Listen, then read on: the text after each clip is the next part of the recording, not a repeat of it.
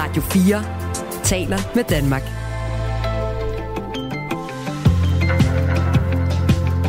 Velkommen til Radio 4 morgen. Smadret bilruder og store biler, øh, buler, det er virkeligheden for flere hundrede danskere, der har været på ferie i Italien. En hav, øh, havlstorm ramte den nordlige del af landet og forårsagede voldsomme skader på flere hundrede danske biler. Det har fået telefonerne til at kime hos de danske autoværksteder. Lige om lidt så taler jeg med Lasse Bulemand. Ja, det hedder han. Han er speciale i at rette blandt andet buler ud på biler, og jeg skal høre ham, hvordan det går her med ordrebogen, og om den her havlstorm har påvirket hans forretning. Så skal vi også til noget helt, helt andet. Er der intelligent liv på andre planeter, og ligger USA's regering inde med dele af en UFO?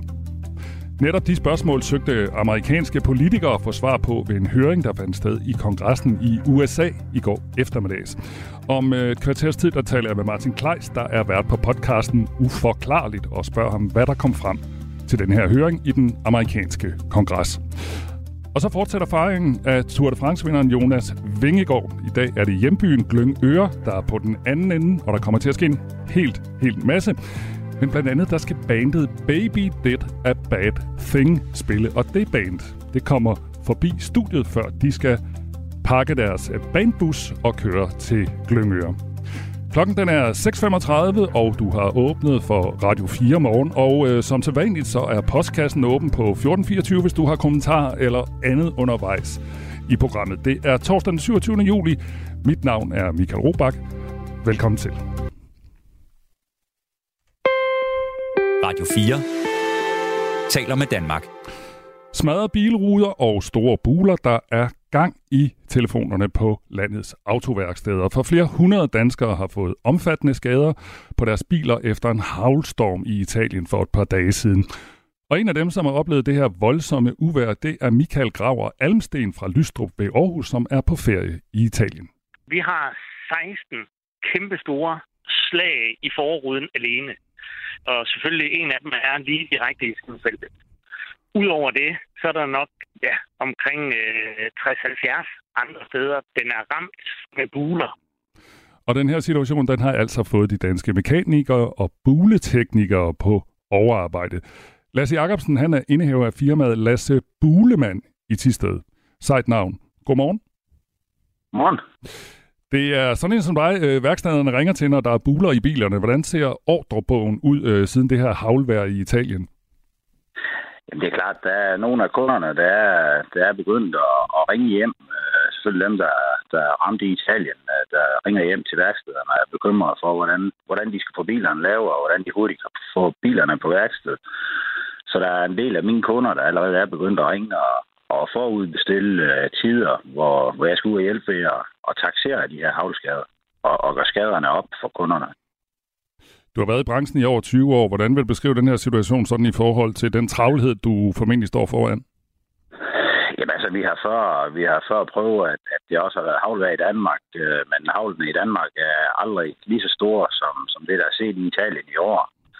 I de 20 år, jeg har kørt rundt, har jeg aldrig hørt om, om, om skader i det her omfang, så der er ingen tvivl om, at vi bliver alle i autobranchen udfordret, når bilerne de begynder at komme hjem.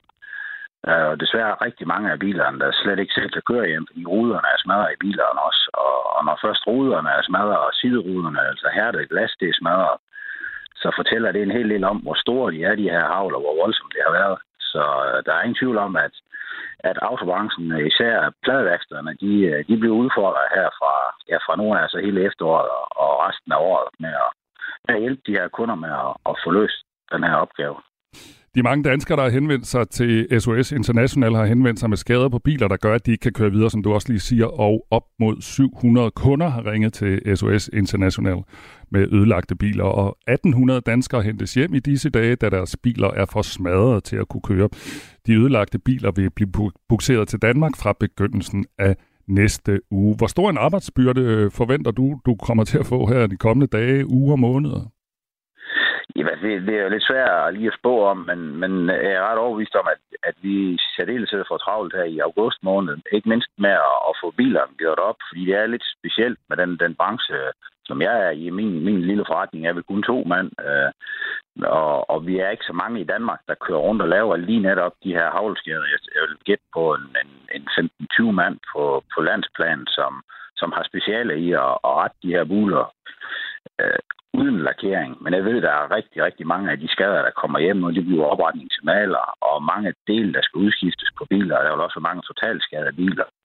Men det er sådan lidt en niche, vi har med at hjælpe med netop havlskader, og det gør forsikringsselskaberne, når de, øh, når de bliver kontaktet af værkstederne, at, at, at der er kommet en havlskade hjem, jamen, så vil de have en mulig tekniker, ligesom mig eller en af mine kollegaer, som, som skal hjælpe med at vurdere skaderne og gøre skaderne op for forsikringsselskaberne. Så alene det bliver der, bliver der mange timer i og, og, og meget arbejde i. Så inden du skal rette den eneste bule ud, så skal du simpelthen ud og kigge på biler for at se, hvor slemt er det egentlig, og kan den reddes? Ja, og det er jo også sådan, at, at der er også rigtig mange af de biler, der kører på vejen i dag, det er leasingbiler, og det er biler uden afgift. Så vi kommer også til at opleve, at der er mange i danske øjne dyre biler, der vil gå hen og blive totalskadet, fordi der ikke er er afgift på de her leasingbiler. Øhm, så, så der er ingen tvivl om, at der, der er mange af de biler, der kommer hjem, de vil også være totalskadet. For en ting er, at de buler og ruderne er smadret, men glas overalt ind i en bil, og, og havl og is og regn ind i bilerne. Altså, det, det er ikke kun buler. Det, det, det bliver, jeg tror, det her det bliver meget omfattende i, i hvert fald, hvad jeg har set i fjernsyn, og, og folk, der har sendt billeder hjem til mig af biler, øh, og også hvad jeg hører fra mine kollegaer, at det er, det er voldsomt, det her. Det er meget voldsomt, og jeg har ikke set før i, i det her omfang. Jeg taler med Jakob, øh, Lasse Jakobsen, der er indehaver af firmaet Lasse Bulemand. Jeg, jeg tænker, det kan være svært at svare på, men nu prøver jeg så alligevel. Hvor lang tid tager det egentlig at, at ordne en bil, der har sådan mange buler, men alligevel som er værd at reparere på, og som ikke bare er totalt skadet. Kan man sige noget om det? Ja, det, det kan man godt. Altså selve øh, altså bilerne, bilerne skal skilles af, loftbeklædningen skal pilles ud, øh, stolperne skal skilles af, der skal pilles ind og skærme ud og lygter og sådan nogle ting, så vi kan komme til at arbejde med materialer fra bagsiden af. Altså når først bilen den er skilt af, og, og vi går i gang, jamen, jamen så kommer vi jo langt på en, på en to-tre dage øh, med en bil. Øh, afhængig af hvor slemt det er, så skal bilen samles igen. Så typisk skal kunden undvære hans bil i en, i en uges tid. Øh, men jeg er bare bange for, at det her det bliver meget mere omfattende, fordi der er, at med, med den størrelse, de her havl, de har, i hvert fald de biler, der kommer fra Italien, med det, der skete i mandags, der, der bliver det nok et spørgsmål om, at, at der er mange reservedele, der skal skiftes, og så skal vi tingene bestilles hjem, og tag og stolper skal rettes, og så skal det videre til maleren. Øhm, så så der, der kommer kunderne til at i hvert fald undvære bilen i minimum 14 dage, inden bilen er hjemme igen fra maleren og bliver samlet. Øhm, og, og i en branche, hvor der er mangel på pladesmed i forvejen, øh, bliver der travlt, og, der, og, og det kommer til at kræve noget tålmodighed af kunderne og, og vente på, at, at bilerne bliver lavet. Øhm, så der er ingen tvivl om, at autobranchen de, de bliver udfordret, men det, det er vi også klar til. Hvor meget tålmodighed siger du, man skal have? Jamen, det, det er sgu svært også. Det er svært at spå om, fordi der er også, der er også det næste forsikringsselskaberne, de forventer jo, at autoværkstederne, de har lånebiler til de her kunder, der kommer hjem. Øh, og, og man har jo måske typisk et værksted, et, et større pladeværksted, har måske 5-10 lånebiler. Øh, og, og er de ude at køre i forvejen, fordi der er nok at lave i autobranchen, og så en, en forhandler for 10-15 havlskader hjem på én gang, jamen, så har han jo ikke lånebiler til dem alle. Øh, og, og det forventer kunderne jo. Så, så der, der er mange ting i det, og, og jeg håber, at forsikringsselskaberne de, øh, de mander sig op, og, og så også øh, gør noget for at hjælpe afbranchen ved at, at hjælpe kunderne. Tak skal du have, Lasse Jacobsen, indehaver Lasse Bulemann. Jeg tror, det er passende at sige til dig god arbejdsløst. Ja, tak skal du have. God dag. Tak lige måde. I næste time, der taler vi med Jan Ankersen. Han er kædeschef for øh, kæden Automester, og vi vil høre ham, øh, hvilken betydning de smadrede biler får for øh, Danmarks største værkstedskæde. Nu er klokken 6.43. En 30-årig læge er blevet idømt to års fængsel for at have begået seksuelle overgreb. Jeg troede jo, at det var rigtigt, hvad han sagde, når han skulle ind og undersøge. Han er kendt skyldig i at have voldtaget to kvinder ved brug af sine hænder. Jamen, det var en nødvendighed. Det var meget vigtigt at være grundig i sin undersøgelse. Radio 4 undersøger dykker ned i sagen om overgreb og blodfærdighedskrænkelser på flere af landets sygehuse, hvor en læge har forgrebet sig på kvindelige patienter. Der begynder jeg sådan ligesom at tænke, at der er noget galt her. Men jeg tør egentlig ikke rigtig at gøre noget. Det var jo en læge, der stod over for mig. Men kunne han have været stoppet tidligere? Det spørgsmål jagter Radio 4 undersøger svar på i serien I hænderne på et doktor. Lyt med i Radio 4's app, eller der, hvor du lytter til podcast. Du lytter til Radio 4 morgen. Den irske sanger Sinead O'Connor er død. Det bekræfter hendes familie. Sinead O'Connor blev 56 år gammel, og hun er måske især kendt for hittet Nothing Compares to You fra 90. I can eat my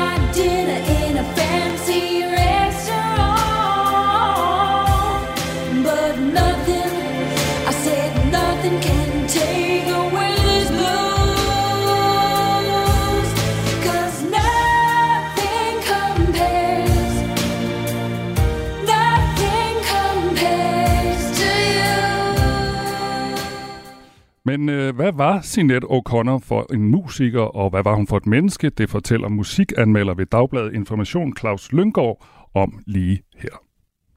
Hun var i hvert fald et meget, meget komplekst menneske. Det kommer vi ikke udenom. Hun havde jo en kort periode omkring 1990, hvor hun var, var popstjerne. Hun havde nogle store hits. Hun lavede to, to øh, LP'er i træk, som solgte rigtig godt. The Lion and the Cobra og øh, den med, øh, hvad hedder det, hvor hun sang til det Prince nummer Nothing Compares to You, øh, som gjorde hende stor og berømt. Og det saboterede hun stort set ene kvinde efter bedste evne, fordi at hun... Øh, hun opfattede, tror jeg, sin position som popstjerne til at udtale sig om nogle af de emner, der optog hende. Og det var både, det handlede både om seksualitet, politik og især religion. Hun var jo, hvis hun havde haft langt på ville hun jo have været yndig. For det var hun jo. Hun havde store, dodgy øjne og smukke træk og så videre. Så jeg tror, det var ligesom et opgør mod at ville være just another pretty face. Øh, på den måde kunne man, hun i hvert fald, øh, var ikke nogen, der kunne påstå, at hun solgte varen på, hvad skal man sige, sådan en klassisk øh, popskønhed. Øh, så det var helt klart et statement, tror jeg, man skulle tage meget seriøst. Og hun forblev jo stort set kronravet hele livet igennem.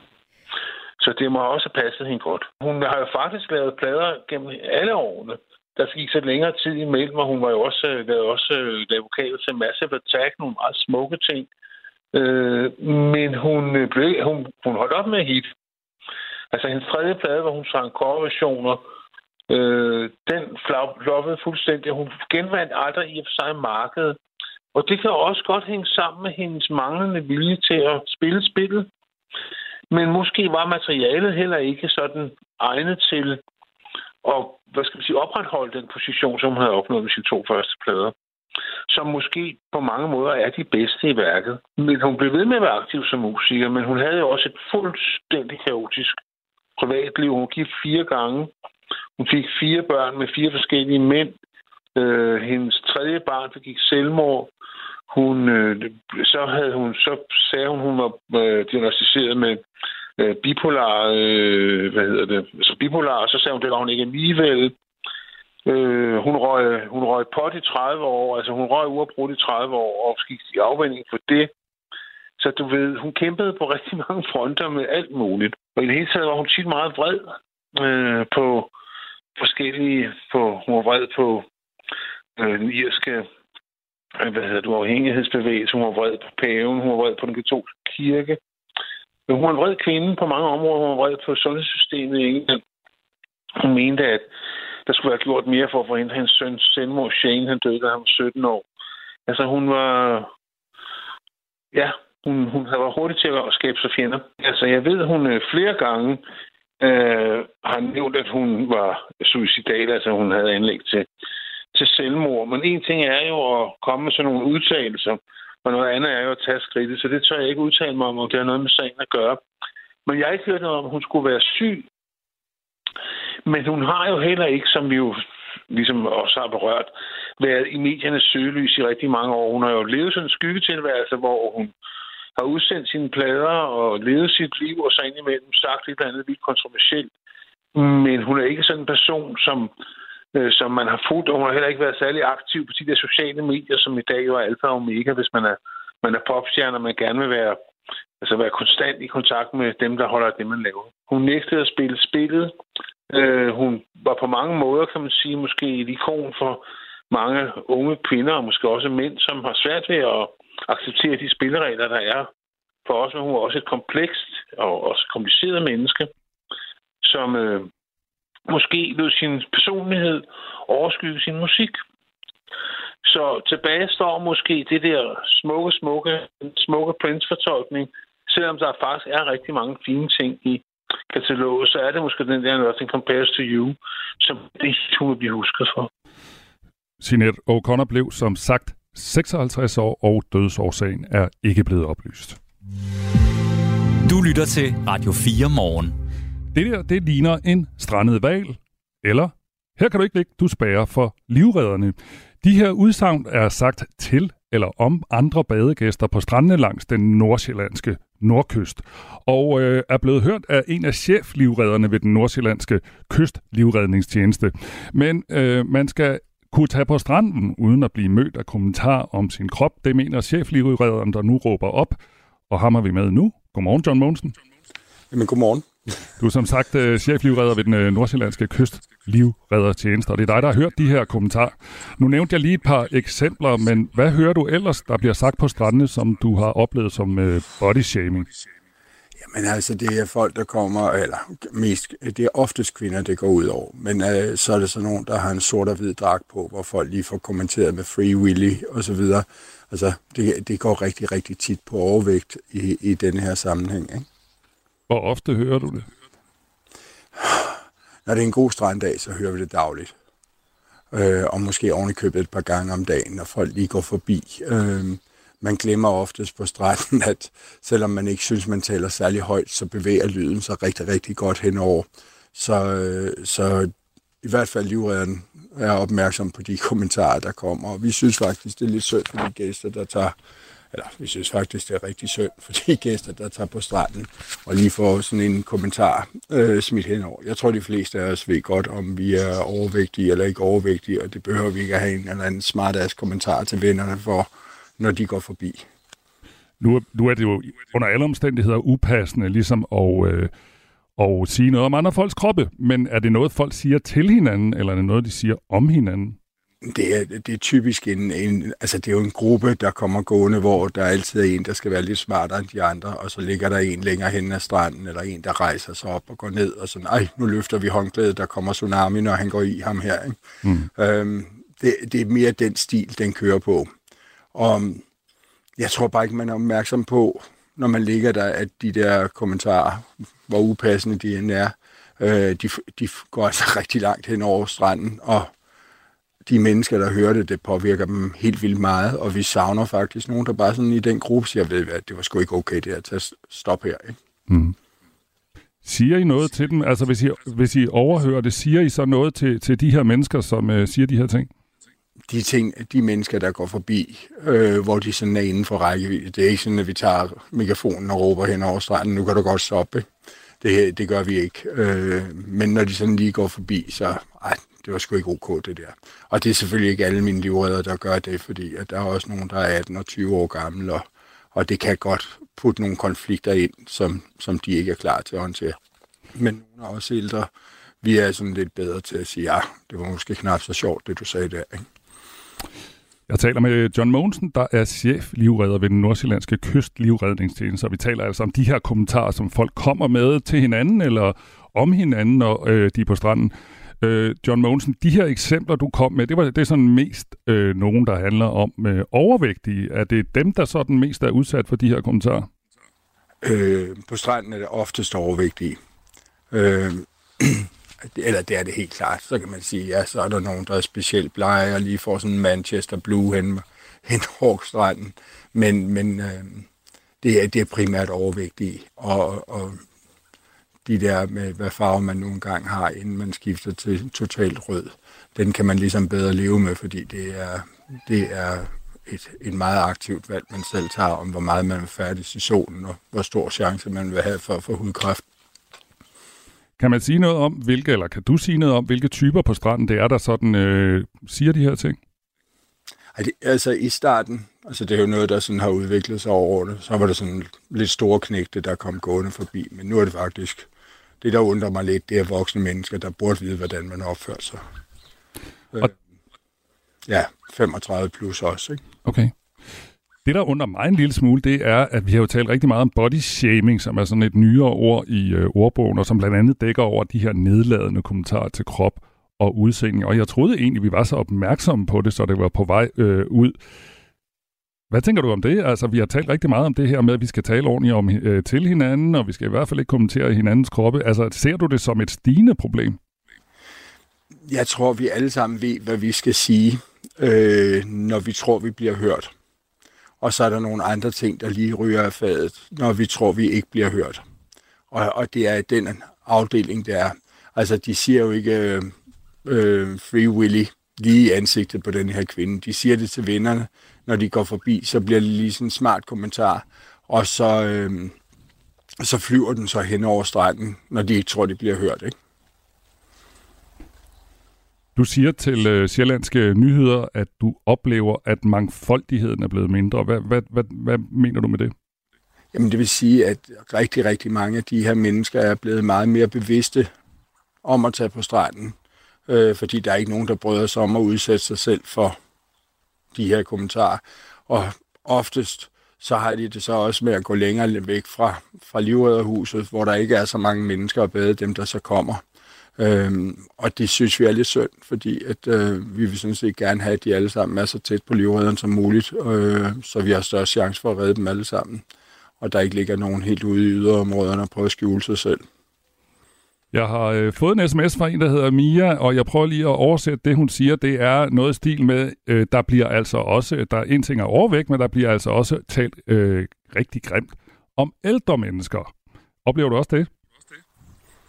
Ja, det, øh, det, det kan der faktisk også godt gøre. Øhm, og den er, den er så... Der har jeg ikke sådan nogle specifikke kommentarer på, hvad, hvad folk siger, men, men det er sådan lidt der med, at nu kommer plejehjemmet på stranden og så videre. Øhm, så ja, de ryger også, øh, men hos os i hvert fald i mindre omfang end det andet. Mm. Hvad er din besked egentlig til de øh, strandgæster, som body shamer? Jamen altså, bare lige øh, husk på, at det her, det øh, betyder rigtig meget. Man kan sige 10 rigtig, rigtig pæne ting til det her menneske, men de husker kun den ting, der er grimt, og det er, det er virkelig synd. Og det, øh, det er der egentlig ikke nogen, der har fortjent. Så, øh, så lad den der dårlige adfærd ligge derhjemme, og så sørg for, at der er plads til alle på stranden. Tak fordi du var med her, John Mogensen. Skal du på stranden i dag? Ja, det skal jeg. Der kommer nok ikke så mange, tror jeg. Der er en fin regn. Men der er god plads på stranden, så I kan bare kigge derop, uanset hvordan man ser ud. Så er der plads til alle. Og vi skal huske at opføre os ordentligt. Lige nøjagtigt. Tak fordi du var med her. Altså John Mogensen, chef livredder ved den nordsjællandske kyst livredningstjeneste. Det her er Radio 4 morgen. Vi er altså øh, slet ikke færdige med at fejre Tour de France-vinder Jonas Vingegaard. Øh, fejringen var kæmpestor i, i går i København. Der var tusindvis af mennesker på øh, Rådspladsen og også i Tivoli. Og i dag der bliver han altså fejret på hjemmebanen i Gløngøre, og det bliver blandt andet med et musikalsk indslag af en af Jonas Vingegaards yndlingsband. Bandet hedder Baby Did a Bad Thing. The more you love, the more you've got to lose. Felt it in your bones when you got bruised. But it's worth it just to try again. And let that someone Ja, sådan her lyder altså en af Jonas Vingegaard, øh, Vingegaards yndlingsband. Det er altså Baby Did a Bad Thing. Det er et Aarhus band, og der forventes at komme omkring 25.000 øh, mennesker til fejring i Glyngøre, og bandet er her er slet ikke vant til at spille for så mange mennesker. Men øh, det skal vi selvfølgelig tale med dem om, når de kommer i studiet. Det gør de cirka klokken halv otte, hvor vi taler med det her band om, hvordan det bliver at spille for Jonas Vingegaard. Jeg nævnte lige før, at han også var i Tivoli i går, og øh, han blev selvfølgelig fejret i stor stil, og øh, han var på scenen sammen med de andre danske ryttere, der deltog i turen. Øh, et show, som TV2 transmitterede, og Jonas Vingegaard, han blev spurgt af værterne til sin overliggende sejr. Så øh, alle de her ting lagt sammen, så, så endte det med at, at blive så stort et, øh, en, en tidsforskel. Var du overrasket over, at du kørte så stærkt, og det var både op og ikke mindst ned? Ja, Ja, faktisk. Øh, Men den her vestjyske beskedenhed, den godtog kollegaen og cykelrytteren Mads Pedersen slet ikke. Lad os lige høre, hvad han sagde fra scenen i Tivoli. skal Mads Pedersen telefon, eller undskyld, mikrofon tændt, fordi han vil altså gerne byde ind på den her. Han er fuld lort lige nu. Han er ikke overrasket overhovedet. Jonas og hans hold, de har gjort det her til perfektion. De havde arbejdet på den her enkeltstart lang tid i forvejen. De har været ude og køre ruten. Man kunne se det på den måde, han kørte på. Så nej, det overrasker ikke en skid, at du vandt den. Du var bare den bedste, den der. Mads Pedersen, han er altid klar med en frisk kommentar. Klokken den er et minut i syv. Du lytter til Radio 4 morgen. Når øh, jeg er tilbage lige efter nyhederne, så skal vi altså tale mere om øh, de her havlskader, som masser af danskere øh, har været udsat for. Vi skal tale med øh, chefen for øh, den kæde, der hedder Automester, og vi skal tale om, hvor travlt de har fået efter de her massevis, hundredvis af biler har fået havlskader. Og som øh, jeg nævnte lige før, så skal vi også, øh, når klokken bliver halv otte, have besøg af bandet Baby Did a Bad Thing. Nu skal vi høre fra Asbjørn Møller. Du har lyttet til en podcast fra Radio 4. Find flere episoder i vores app, eller der, hvor du lytter til podcast.